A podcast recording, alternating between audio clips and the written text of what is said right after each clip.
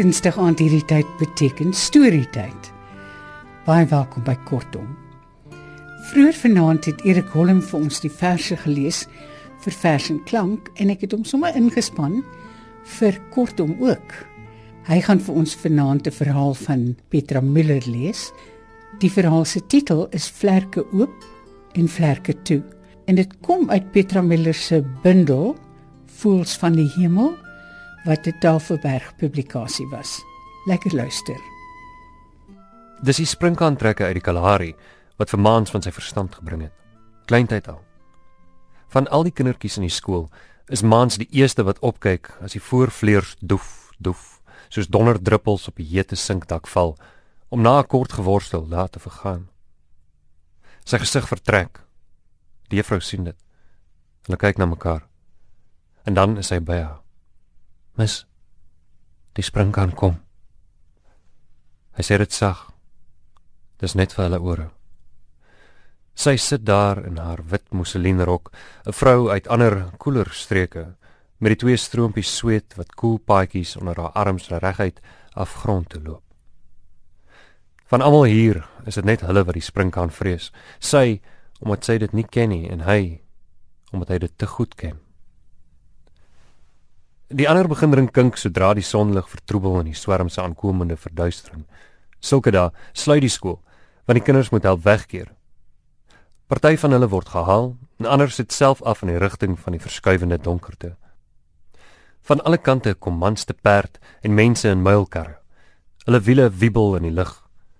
As die werkspanne met grawe afspring, skiet die speuke lig uit soos 'n windmeul wat baie vinnig draai.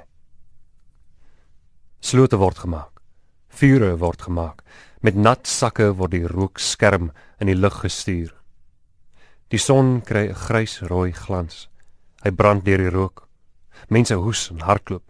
Kinders gooi strome stof in die lug op en dit val op hulle terug. Wanneer die son sak, sak die stroom. Eers dam hy op, dan sak hy. Daar duisende vliegtuigies op soek na sitplek. Hulle val in die slote in, hulle kriewel en krioel, by derduisende brand hulle dood. En die mense slaan met die sakke, slaan en skreeu. En eenkant dans die swart mense van 'n kos wat kom. Net Mans is aan die vlug. Sy pa se lande kan maar deurloop, hy's die een wat vlug. Hy kan nie in 'n gekreul kyk nie. Dan slaan sy oë oor mekaar, sy tong begin maak. Hy begin na sy kop te gryp asof die goeters binne in sy kopbeen is en hy skreeu van vlerke, vlerke. Eenmal het daar 'n kolonie reismure in die ou huis ingetrek. Dit was maan se werk om hierdie muurstad uit die grondmuur op te kap en op die harde werfie oop te gooi waar al die hoenders staan en wag het. Hy laai die kruiwa vol met koeke muurgrond waaruit hulle in hul duisende krioel. En terwyl hy agter die kruiwa hardloop, hou hy oë toe Hoenders raas en flap. Hy moet sy oë oopmaak of hy ry die hoenders raak. Swart uit elke oopgeskeurde gangetjie puil mure in hul angs. In die middel van die werf, laat hy die kruiwa wegloop. Hy gryp na sy kop en skree: "Oh! Oh! Gerol!" skree die werksmense. "Dis nie balktyd nie. Wat skrou jy?" Mans begin malkop in die ronde tol. Hulle pak hom beet. Hy druk sy oë toe. "Vlerke oop!" skree Mans. "Vlerke toe! Help tog, help!"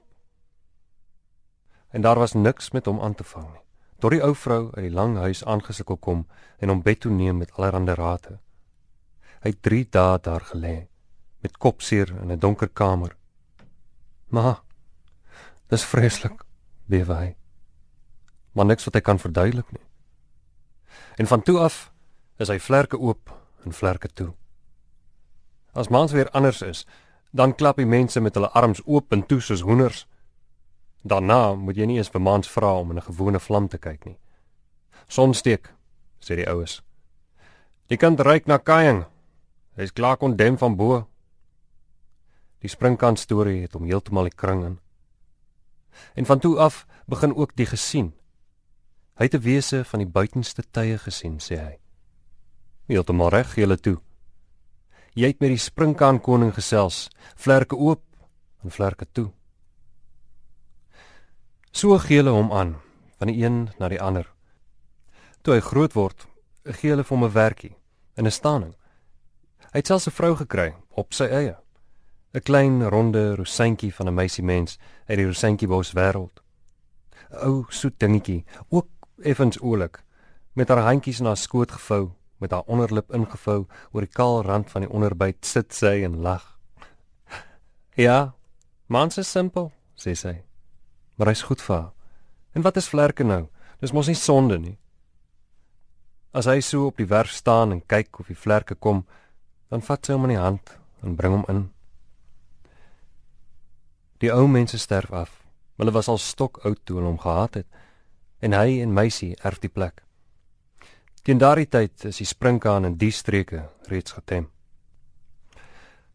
Hy bid driftig by die wijkspituur, 'n man van vrese en verlangens. Hy jy en jou die Here in bidte openbaring af. Jy sal sweer hy praat met sy buurman op vlakpan. Dominee moet later aanspreek. Broer, laat ons God nie so versoek nie. Die bidgroep wag met ingehoue asem. Half skreef oog loer hulle wat hy gaan doen nou dat Dominee gepraat het. Dit lyk hy gooi ankers uit. Hy staan met sy arms oop en weg van hom. Sy mond bly lewe. Dan laat hy die arm sak. Hy gooi sy stryd af. Hy laat sy kop sak en knik ja. Dis reg en goed so. Hy gaan van bo tot onder op die bank sit, soos dit moet. Sy openbaring. Hy moet vir hom sy eie bidplek maak. Gedenk, hervat Dominee, die groot gevare waarin land en volk verkeer. Moenie stryd in eie hart ontketen nie. Laat vrede heers.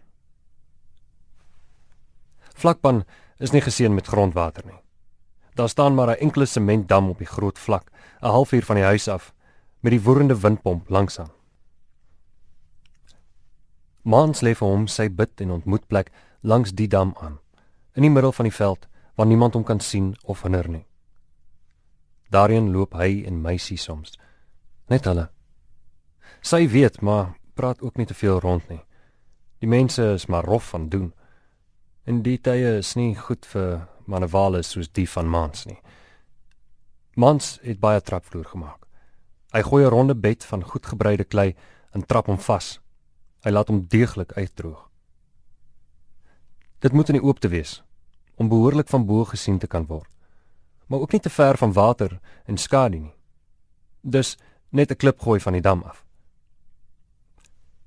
Twee paadjies loop na hierdie bidplek toe een van die dam en water af, 'n kort paadjie. En die ander 'n lang reguit streep oor die dorpveld na die huiswerf by die randjie. Duidelike boodskappe. 'n Witter wit as die witvalveld en maans hou hulle oopgetrap. By die damwal drup daar water. 'n Aankomeling sal nie eens hoef te draai nie. In die nattigheid plant maans wilger wat verragtig vat Dis 'n stok wat hy langs die dorpsrivier afgesteek het, eenmaal met nagmaal en met baie gebede aangehelp het tot dit grasgroen op die haaivlak staan, 'n baken wat niemand kan miskyk nie. Die derde jaar al staan dit so hoog soos meisie en toe soos maans met sy hoed op en dit is baie hoog. Daarna groei die wilger stadiger met rukkings van groen in die lente wat maans tot geduld maan. Groei en groei tot 'n vaderlands wilg 'n ding wat groenighede reën soos water uit 'n gieterkop. As dan 'n boom so stadig kan groei tot sy volëinding, kan hy maans ook bekostig om te wag. Elke dag loop maans die paadjie uit. Hy drink die water en hy bid in die middel van daardie dorsvloertjie waarop nog nooit gedors is nie. Wat is die betekenisse tog bid hy dat u my nooit wil sien nie. Ek maak vir u die wysers by die water. Heer, ek is 'n tempeldienaar, net so Simeon. Maar is net die windpomp wat grond in antwoord gee met diep en versadigde waterklanke. Hy waag nie om te kyk in die wiel van daardie windpomp nie. Dit vang te veel lig en hy begin onthou van die kriolery. 'n Baie groot wilgerboom. 'n Ou man, sy oë grondwaarts gedruk. 'n Ou en heeltemal tandlose vroutjie. Nagmaal wat nooit oud word nie, is al wat hulle van die plaas af kry. En nou ook die biddag vir vrede. Iets wat nooit tevore daar was nie. 'n Biddag nie vir reën nie, maar vir vrede. Manse bakkie loop die pad af dorp toe. Steeds bid hy. Steeds stuur hy sy woorde een-een op boontoe. Moeilik aan die Jakobsleer. Waar ander by is, bid hy nie. Maar hy luister. Want dit mag dalk wees dat die tyding vir hom in antwoord op 'n ander se gebed kom. Mans het baie nederig geword van al die leë tyd. En so kom dit dat hulle nie daar is toe die mank helikopter met die stikkende seuns ver uit sy pad na sitplek soek nie toe hy stippelklein uit die son se glans begin afgly op die boodskap van die oop kol en die groen boom. Toe hy met oneweredige vlerkslag soos 'n mens wat sterf met 'n gebroke asem, hotvlerk, haarvlerk tot stilstand kom in sy eie stofwarrel nie. Die lang soepel takke van die wilger swaai vervaard op weg van die windveegsel en kom weer tot rus nie gesien toe daar mense uit die helikopter klim en styrend onder die damwal gaan staan en drink en ook water aandra na die ander in die helikopter nie. Ook nie toe die dooie een voor die stuurstang weggehaal en plat neergelê word nie. Ook nie gesien toe die nuwe vlieënier 'n oomblik rondkyk na die menslose plek met sy harde ronde blad, sy water en sy koelte nie. Voordat hy die wankel helikopter styrend laat opstyg en terugneem daar waar hy vandaan gekom het. Daar was weinig tekens oor die maandagooggend, maar hy kon hulle duidelik sien. Die omgewoelde staanplek, die stofsirkel, die waterdruppels wat elk in sy eie stofdruppel gekrul en verdroog het, die voetspore, 'n plek waar iets gesleep is. Die meeste het hy gewonder oor die verskrompelde blaartjies wat van 'n wilgerits gestroop was, net soos hy dit doen as hy onwillig is om die groenigheid van die boom te verlaat en by party van die stofkorrels moes hy lank buig want dit was bloed en die muurtjies was daar besig. Toe het hy opgestaan.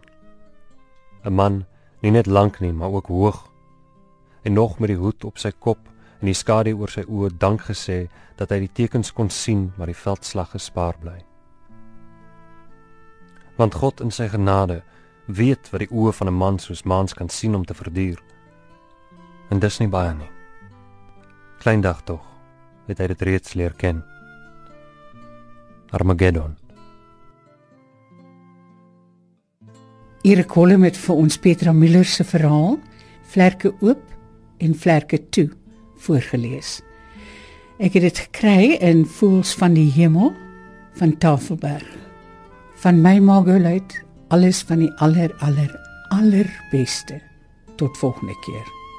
Mag dit met ons almal goed gaan. Totsiens.